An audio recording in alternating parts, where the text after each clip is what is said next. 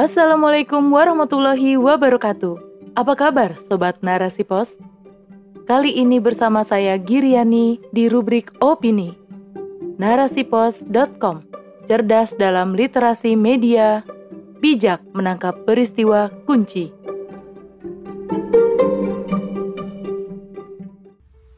Pendidikan berpajak, apakah bijak?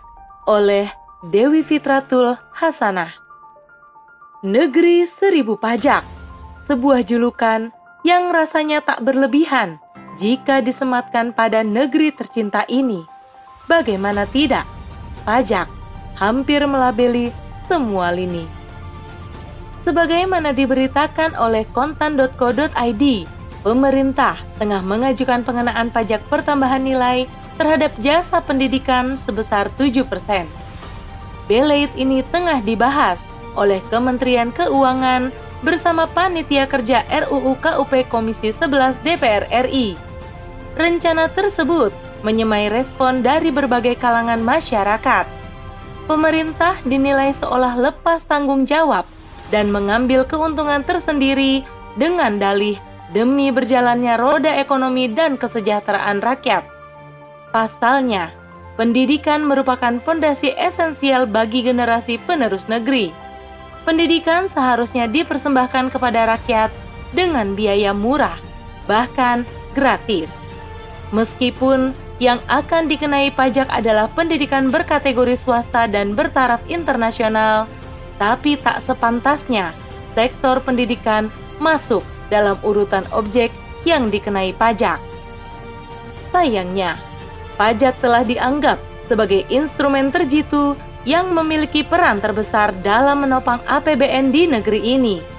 Dalam postur APBN 2020 saja, pendapatan negara diproyeksikan sebesar 2.223,2 triliun rupiah dengan rincian penerimaan dari pajak sebesar 1.865,7 triliun rupiah.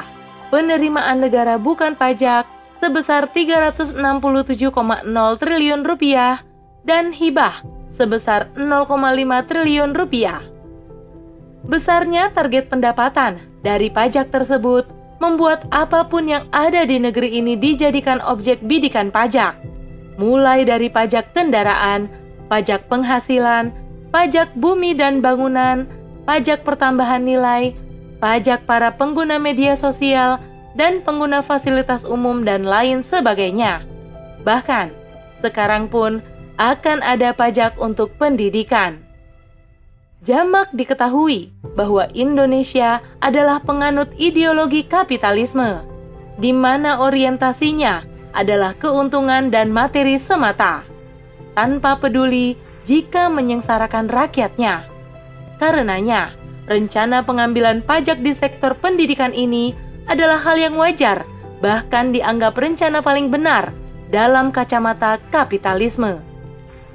Berbeda jauh dengan Islam yang bukan saja sebagai agama, namun juga sebagai sebuah ideologi dengan seperangkat petunjuk mekanisme kehidupan yang paripurna.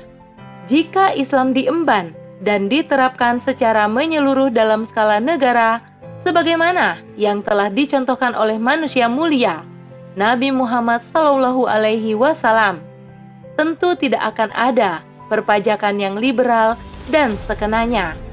Berdalih harus terus meningkatkan pendapatan negara demi jalannya roda perekonomian serta menagih pemakluman rakyat bahwa utang negara sudah menumpuk dan APBN selalu defisit. Sedangkan sumber pendapatan di luar pajak yang tak bisa diandalkan telah cukup menjawab pertanyaan mengapa tagar pajak kita untuk kita dan orang bijak taat pajak selama ini selalu digencarkan. Pemerintah bahkan tak pernah cuti menyeru rakyatnya untuk membayar pajak dengan menekankan bahwa tanpa pajak, ekonomi dan pembangunan tidak akan berjalan. Dan jika pembangunan tidak berjalan, maka pemerintah tentu tak bisa menyejahterakan rakyat. Namun faktanya, jaminan kesejahteraan hanyalah bualan semata. Kalaupun kesejahteraan itu ada, hanyalah dirasakan oleh segelintir rakyat saja. Berbanding terbalik, jika dilihat dari sudut pandang Islam. Pajak adalah pilihan terakhir yang sifatnya insidental, bukan esensial. Pajak diharamkan untuk dijadikan sumber pendapatan negara. Pajak hanya akan dipungut apabila keadaan kas negara dalam kondisi kerontang, dan kondisi ini sangat jarang terjadi.